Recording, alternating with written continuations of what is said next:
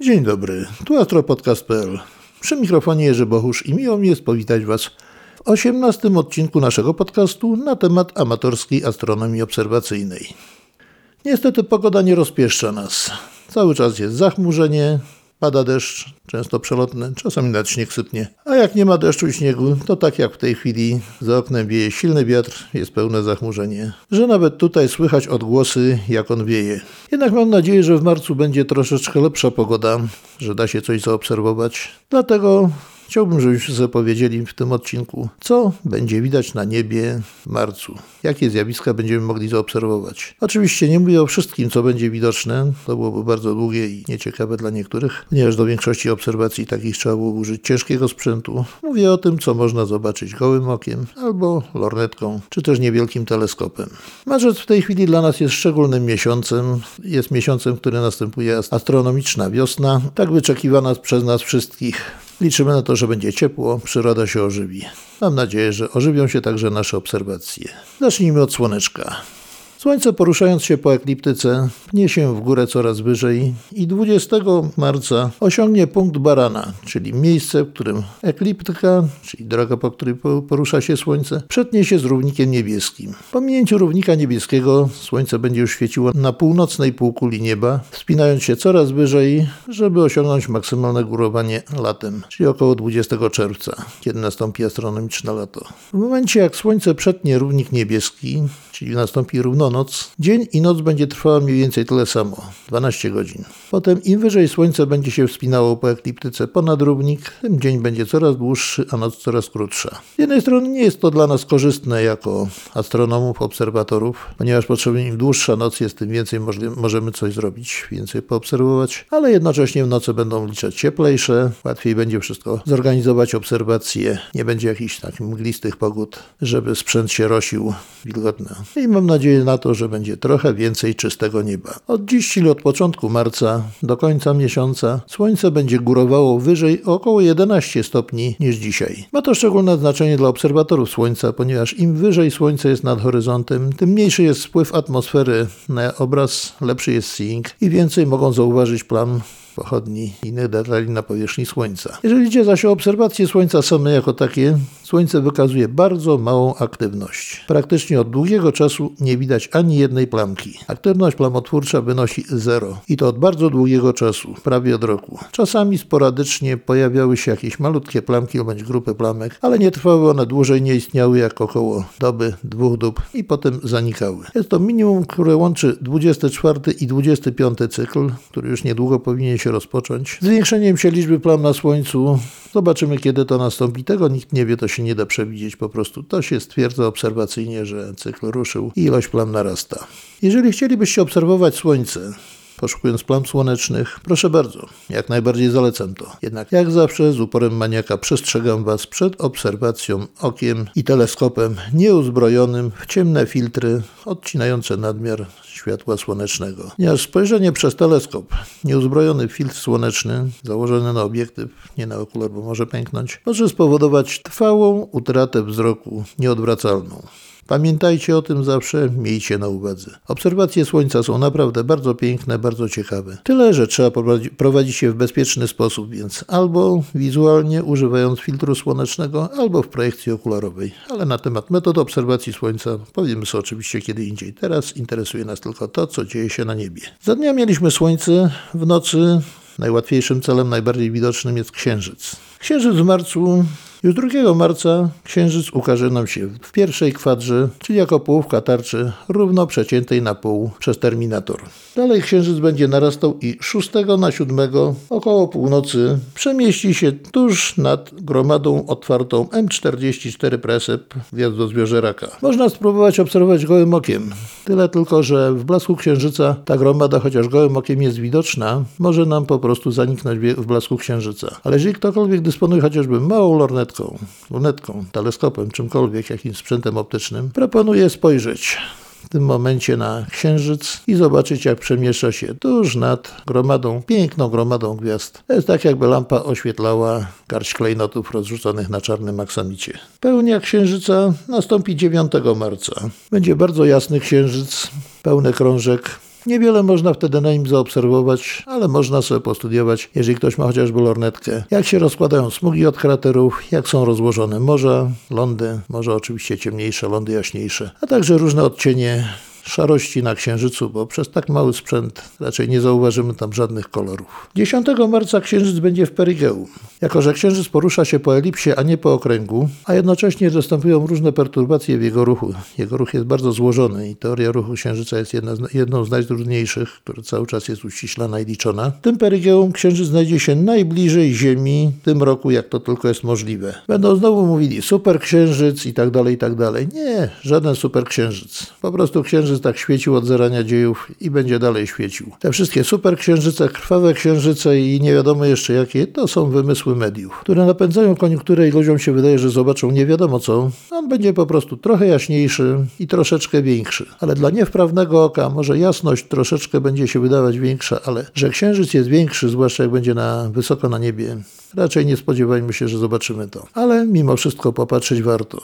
Zastanowić się, czy jest większy, czy mniejszy, czy jaśniejszy, czy też słabszy, mniejszą jasność wykazuje. Takie porównanie zawsze prowadzi do jakichś własnych wniosków, które można potem skonfrontować z obserwacjami profesjonalnymi, z efemerydami i będziemy mieli tą satysfakcję, że na własne oczy stwierdziliśmy, że ten księżyc jest super, albo wcale nie taki super, jak media zapowiadają. 16 marca nastąpi trzecia kwadra księżyca, czyli tylko, że księżyc będzie będzie tak samo podzielony terminatorem na równe dwie połówki, dwie, dwa półkola, z tym, że oświetlona będzie druga część Księżyca, nie tak, co była oświetlona przy pierwszej kwadrze, a ta, która wtedy była ciemna, teraz będzie jasna, a która była jasna, będzie te, w tej chwili ciemna. Księżyc będzie wschodził coraz później, będzie coraz cieńszym sierpem, aż 24 marca nastąpi nów Księżyc nie będzie widoczny, jego przeciwna strona będzie oświetlana przez Słońce, nasza strona będzie ciemna. A że będzie blisko Słońca, trudno nam będzie go zauważyć w ogóle. Z ciekawszych zjawisk takich jeszcze 29 marca o godzinie 21.35 Księżyc zakryje dosyć jasną gwiazdę Epsilon Beka czyli Epsilon Tauri, a gwiazda będzie miała jasność 3,5 magnitudo, więc będzie dosyć wyraźnie widoczna gołym okiem. Na obserwację gołym okiem tego zakrycia raczej nie należy liczyć, ale jakakolwiek lornetka, lunetka, nawet bardzo mała, ukaże nam to zjawisko w pełnej krasie, jak gwiazda będzie podchodziła coraz bliżej, coraz bliżej, coraz bliżej Księżyca, a wreszcie nagle zgaśnie, tak jak gaśnie żarówka, kiedy wyłączymy prąd. 28 marca Wenus będzie przechodziła tylko zaledwie o 6,5 stopnia od Księżyca. Będzie to naprawdę piękny widok na niebie. Warto zwrócić uwagę, nawet wychodząc wieczorem z psem czy jakkolwiek, bo naprawdę będzie na co popatrzeć. Usilnie, usilnie Was do tego zachęcam. Spośród planet na wieczornym niebie, jak przystało na boginię miłości, króluje Wenus. W tej chwili jest bardzo jasna, bardzo ładnie świeci. Przez nawet niewielki przyrząd typu lornetka, niewielki teleskop. Widać już, że nie jest to okrągła planeta, tylko że wykazuje fazę i w tej chwili jest tak tuż przed kwadrą. Z jednej strony jest półokrągły limb, a z drugiej terminator. Jest taki wycinek elipsy, który łączy dwa rogi górny i dolny. Jeszcze nie wykazuje fazy sierpa, ale już widać, że nie jest symetryczną, okrągłą tarczą planety, tak jak planety w opozycji zewnętrzne. Tyle tylko, że będzie wykazywała fazy podobne do faz księżycowych, jakie wykazują planety wewnętrzne. 24 marca Wenus będzie w największej elongacji, czyli 46,1 stopnia od Słońca. Elongacja jest to kąt między Słońcem, obserwatorem i Wenus. Im większy jest, tym dalej planeta jest od Słońca kątowo. Nie mówimy o odległościach liniowych, tylko kątowych. Jak już mówiłem, elongacja to jest kąt a na niebie mierzymy odległości zawsze, jak już w którymś z odcinków podcastu mówiłem, kątowo, nie liniowo, nie kilometry, a stopnie, minuty, sekundy. Dzięki temu, że jest tak daleko od Słońca, będzie widoczna tuż po zachodzie jeszcze dosyć długo, ponad 4 godziny, na jeszcze w miarę jasnym niebie, co jest korzystne dla jej obserwacji, ponieważ nie ma takiego dużego kontrastu. Wenus świeci bardzo jasno, ma duże albedo, od jej chmur odbija się duża część promieniowania słonecznego, która dociera do nas i na ciemnym niebie ten duży kontrast utrudnia obserwację. Natomiast na jaśniejszym niebie o wiele łatwiej jest zobaczyć ją. Nie jest odbić w optyce teleskopu lunety czy, innego przyrządu, jakim obserwujemy. Dlatego warto już w miarę wcześnie, jak tylko będzie widoczna, rozpocząć jej obserwację i prowadzić je tak długo, jak się da. Tym bardziej, że jeszcze będzie wtedy dość wysoko nad horyzontem, co też ułatwi nasze nam obserwowanie, ponieważ jeszcze stosunkowo mały będzie wpływ atmosfery i ruchu atmosfery i zanieczyszczeń atmosfery na jej widoczność. Im bliżej horyzontu i bliżej Słońca, tym warunki do obserwacji obserwacji będą trudniejsze. W momencie elongacji będziemy widzieli dokładnie tak samo jak księżyc w pierwszej kwadrze bądź w trzeciej, połówkę tarczy przeciętą terminatorem dokładnie na pół. Jeżeli byśmy użyli dużego teleskopu przy bardzo dobrych warunkach obserwacyjnych, ewentualnie używając jeszcze odpowiednich filtrów, zauważylibyśmy, że, że nie jest to tak dokładnie połówka koła, ale że na zewnątrz, w stronę ciemnej części tarczy, wystają takie rogi jasne jak gdyby, zarówno na północnym, jak i na południowym skraju tej planety. Czym to jest spowodowane? Jest to oczywiście spowodowane tym, że Wenus ma gęstą atmosferę i światło rozprasza się w tej atmosferze, sięgając poza terminator w jej górnych warstwach, co obserwujemy właśnie jako takie przedłużenie rogów tego półkola planety. Już nie jest, nie jest to jeszcze sierp, ale półkole. W miarę jak będzie się zbliżała do Słońca po 24 marca, coraz bardziej będzie przybierała kształt sierpa, ale to już będzie bardziej w kwietniu. Będzie też większa tarcza planety, osiągając maksimum około jednej minuty kątowej, także coraz łatwiej będzie ją obserwować nawet w mniejszym sprzęcie. Oczywiście im węższy sierp będzie, a większy obraz planety w teleskopie, tym łatwiej zauważyć jest, że wygląda jak półksiężyc. Jeżeli nie wierzycie, to powiem Wam, że to zauważył już Galileusz swoim bardzo prymitywnym małym teleskopem i prawidłowo zinterpretował, że to jest planeta wewnętrzna i jest oświetlana tak jak nasz Księżyc przez Słońce i tak samo ją widzimy. Tak samo obserwujemy właśnie planetę w postaci wąskiego sierpa tylko wtedy, jeżeli jest wewnątrz orbity ziemskiej. Nigdy tak nie zobaczymy ani Marsa, Jowisza, Saturna, ani innych planet. Jeżeli chodzi o inne planety, no niestety widoczność ich będzie kiepska. Wszystkie wschodzą nad ranem, nisko nad horyzontem i na krótko przed wschodem słońca, także nawet nie, nie, nie omawiam co będzie, jak będzie, chociaż będzie tam się trochę działo, bo będą blisko siebie przechodzić, Mars będzie blisko siebie Saturna i Owisza przechodził i te planety będą się zbliżały. Ale będzie to tak nisko nad horyzontem. Spróbujcie. Jeżeli się uda poszukać nad południowo-wschodnim horyzontem, może jasne punkciki tych planet zobaczycie. Ale jeżeli będzie pogoda nieszczególna, przymglony horyzont, jak to zwykle było o tej porze. Raczej nie liczcie na to, że je zobaczycie. Trzeba poczekać do kwietnia i później, wtedy, kiedy będzie lepsza widoczność ich, ale o tym pomówimy sobie już omawiając zjawiska, jakie wystąpią w następnym miesiącu. W marcu nie przechodzą w opozycji jakieś większe, ciekawsze asteroidy, więc trudno mówić o obserwacjach planetoidalnych, zwłaszcza nie mając jakiegokolwiek sprzętu optycznego, ponieważ większość planetoid, a w zasadzie prawie wszystkie są niewidoczne gołym okiem. Potrzebna jest co najmniej dobra lornetka albo teleskop, żeby te drobniejsze zobaczyć. Nie występują jakieś specjalnie też obfite roje meteorów, więc też nie ma czego wypatrywać. Jak widzicie, jest dosyć spokojnie. O gwiazdach zmiennych na razie nie mówię, bo to sobie pomówimy w następnej audycji. Natomiast jeszcze jedna rzecz ciekawa występuje. Są dwie dosyć jasne komety. Znaczy dosyć jasne to są dla mnie, wiecie, że jestem komeciarzem zatwardziałym, dysponuję troszeczkę większym sprzętem, więc są już dla mnie dosyć jasne, chociaż niestety zachmurzone niebo uniemożliwia mi ich obserwację. Ale chciałem Wam tylko podać, żebyście wiedzieli, o czym będziemy mówić w przyszłości. Pierwsza kometa C2018 T2 Pan-STARRS. W tej chwili jest w żyrafie i posuwa się w stronę Wielkiej Niedźwiedzicy. Według ostatnich obserwacji sprzed kilku dni dosłownie ma jasność 9 magnitudo i będzie jaśniała. Prawdopodobnie pojaśnieje nawet do 8 magnitudo, a warunki obserwacji będą coraz lepsze. Jednak w marcu zbyt dobrze jeszcze nie będzie widoczna, nie będzie jasna. Jeżeli ktoś ma większy teleskop, proszę bardzo, zapraszam do obserwacji jak najbardziej. Jeżeli większego teleskopu nie ma, no to trzeba po prostu zaczekać, aż będzie jaśniejsza i znajdzie się w zasięgu nawet naszego mniejszego sprzętu. Druga, najciekawsza, to jest C2019Y4 Atlas. Kometa niedawno odkryta, tuż po odkryciu jakiegokolwiek obiektu astronomicznego, planetoidy, komety, które obiegać Słońce, przede wszystkim prowadzi się obserwacje pozycyjne, robi się jej astrometrię, żeby z zaobserwowanych pozycji można było obliczyć orbitę, elementy orbity tego ciała niebieskiego, żeby można było obliczyć efemerydy, czyli miejsc, przewidywane miejsca, gdzie można obserwować to ciało na niebie, a także policzyć, jak będzie się zachowywać, jak będzie się poruszać, także względem Ziemi, ponieważ zarówno Atlas, jak i Pan-STARRS to są systemy automatyczne, które przeglądają niebo właśnie w poszukiwaniu takich obiektów i ewentualności ich zderzenia z Ziemią, stwarzania jakiegoś zagrożenia.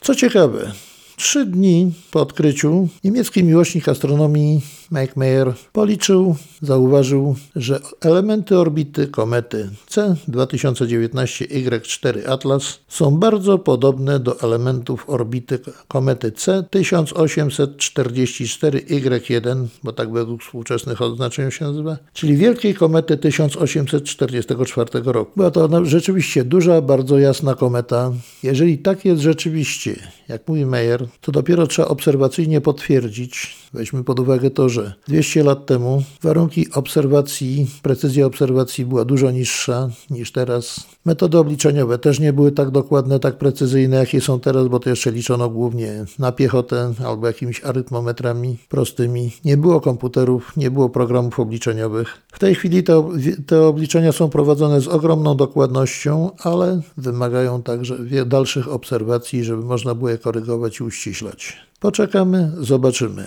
Być może jest to ta sama kometa, wtedy byłoby to ciekawe, ale pewne przesłanki wskazują na to, że jednak wcale nie musi to być ta sama kometa, ale może należeć do rodziny tych samych komet, do których należała również kometa z, 804, z 1844 roku i nasza bohaterka, czyli 2019 Y4.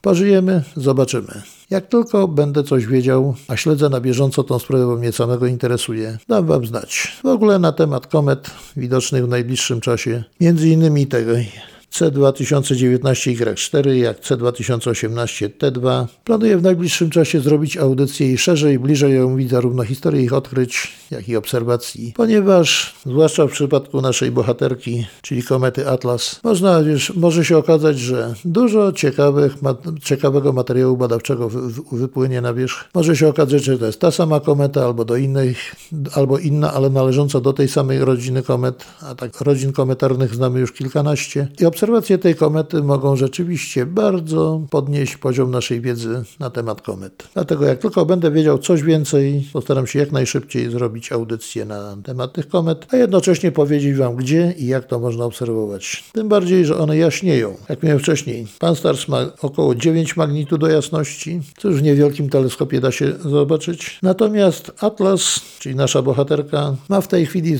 dosłownie z przedwczoraj pomiarów 12,6 magnitud magnitudo. Oczywiście już przez większy teleskop jest do zrobienia, ale przez małe teleskopy możemy jeszcze zapomnieć. Musimy poczekać. Obie komety jaśnieją i aż do końca maja będą widoczne w dogodnych warunkach. W tej chwili Pan-STARRS jest w żyrafie i zmierza w kierunku Wielkiej Niedźwiedzicy. Natomiast Atlas, ta nasza najnowsza kometa, jest w Wielkiej Niedźwiedzicy i zmierza w kierunku żyrafy. Jeszcze przejrzę na wszystkich tych moich mapach, programach astronomicznych. Zobaczę, kiedy będą najbliżej siebie i to wszystko Wam powiem. Ale to już będzie w następnym audycji. Oprócz komet, planet innych Księżyca, Słońca, czyli Układu Słonecznego, na niebie jest jeszcze wiele ciekawych rzeczy do obserwacji, z tym, że większość z nich wymaga już sprzętu optycznego, żeby móc je zauważyć. Gołym okiem, przy idealnie ciemnej nocy bezksiężycowej, można zauważyć gromadę otwartą M40 Presep w raku. Można zauważyć gromady otwarte Hai i Persei, potocznie zwane chichotkami, będące w Perseuszu pod Kasiopeą, bardzo piękne. W teleskopie to jako podwójna, bliska siebie, w zasadzie podwójna gromada. Dwie gromady leżące bardzo blisko siebie. Bardzo efektownie, bardzo pięknie wyglądają. Tak samo gromada wraku, bardzo piękna, bardzo ciekawa. No i oczywiście wiosna to jest sezon galaktyk. Między gwiazdozbiorem Lwa, Panny, Warkocz, Bereniki, trochę w dół, a także do góry, aż pod Psy Gończe, rozciąga się gromada galaktyk, czyli gromada Virgo, gromada Panny. Jest to najbliższa gromada galaktyk, zawierająca bardzo dużą ich ilość. Przy idealnie klarownej nocy, bezksiężycowej, bezchmurnej, przy czystym, bardzo dużej przejrzystości, niektóre, zaznaczam niektóre tych galaktyk, może Wam się nawet udać, uda dojrzeć przez niewielką lornetkę ale mówię, czarna, ciemna, bezksiężycowa noc bez sztucznych świateł. W niewielkim teleskopie widać ich już jest sporo. A przy teleskopie, tak jak czasami używam 38 cm, to powiem Wam szczerze, że często widać w polu widzenia więcej galaktyk niż gwiazd lokalnych z naszej drogi mlecznej. Jest na co popatrzeć, ale to już wymaga cięższego sprzętu. Jak zawsze zachęcam Was do obserwacji własnych, zachęcam do rozglądania się po niebie. Jeżeli ktoś ma jakikolwiek sprzęt optyczny, jakąkolwiek lunetkę, lornetkę teatralną, lunetę, teleskop, nie trzymajcie tego w szafie, wyciągnijcie na dwór, oprzyjcie to na jakimś statywie, bo w ręku tego się nie da trzymać, obserwować trzymając w ręku i popatrzcie w niebo. No i jeszcze jedna. Jeszcze na wieczornym niebie widać Betelgezy. Ostatnio ruszyła się, podniosła się o 2,2 magnitudo według pomiarów, które dotarły do mnie ostatnio. Ma już plus 1,4, a nie plus 1,6, a nawet 1,7 jak była poprzednio. Powoli rośnie, ale na razie jest spokój. Cały czas śledzę, cały czas obserwuję, jeżeli tylko mogę, chociaż dużo obserwacji nie mogę zrobić, bo praktycznie jest niewidoczna za chmurami. Tym niemniej cały czas śledzę obserwacje, jaką inni koledzy robią na świecie i warto mieć to na uwadze. Jeżeli będziemy na dworze, na powietrzu, na polu gdzieś, czy do pracy, czy wieczorem gdzieś z psem na spacer, czy cokolwiek, jeżeli jest widoczna, rzućmy na nią okiem. Teraz to minimum było 11, 11 lutego, przeszła przez minimum, które trwało mniej więcej do 17 lutego, prawie płaskie dno i poszła z powrotem do góry. Pomalutku, ale idzie. Z tym, że jak już nieraz podkreślałem, na tym etapie rozwoju, na tym etapie ewolucji te gwiazdy są nieprzewidywalne. Może wybuchnąć w każdej chwili. Nie przegapmy tego po prostu. I to już wszystko na dzisiaj. Słuchajcie astropodcastu.pl. Jak zawsze zapraszam Was do kontaktu, komentowania, zarówno na stronie Astropodcastu, kontaktów mailowych, adresy znajdziecie też w dziale kontakt na stronie astropodcast.pl, a także przez media społecznościowe, tak jak Facebook, Twitter, Instagram, na profilu Jerzy Bochusz. Tam mnie zawsze znajdziecie. Niedługo też planuję uruchomić telefon do Astropodcastu. Może będzie łatwiej się nam skontaktować. A dzisiaj żegnam się z Wami. Życzę dobrej nocy albo dobrego dnia, zależy kiedy tego słuchacie. Do usłyszenia, a wszystkim obserwatorom życzę czystego nieba i udanych obserwacji.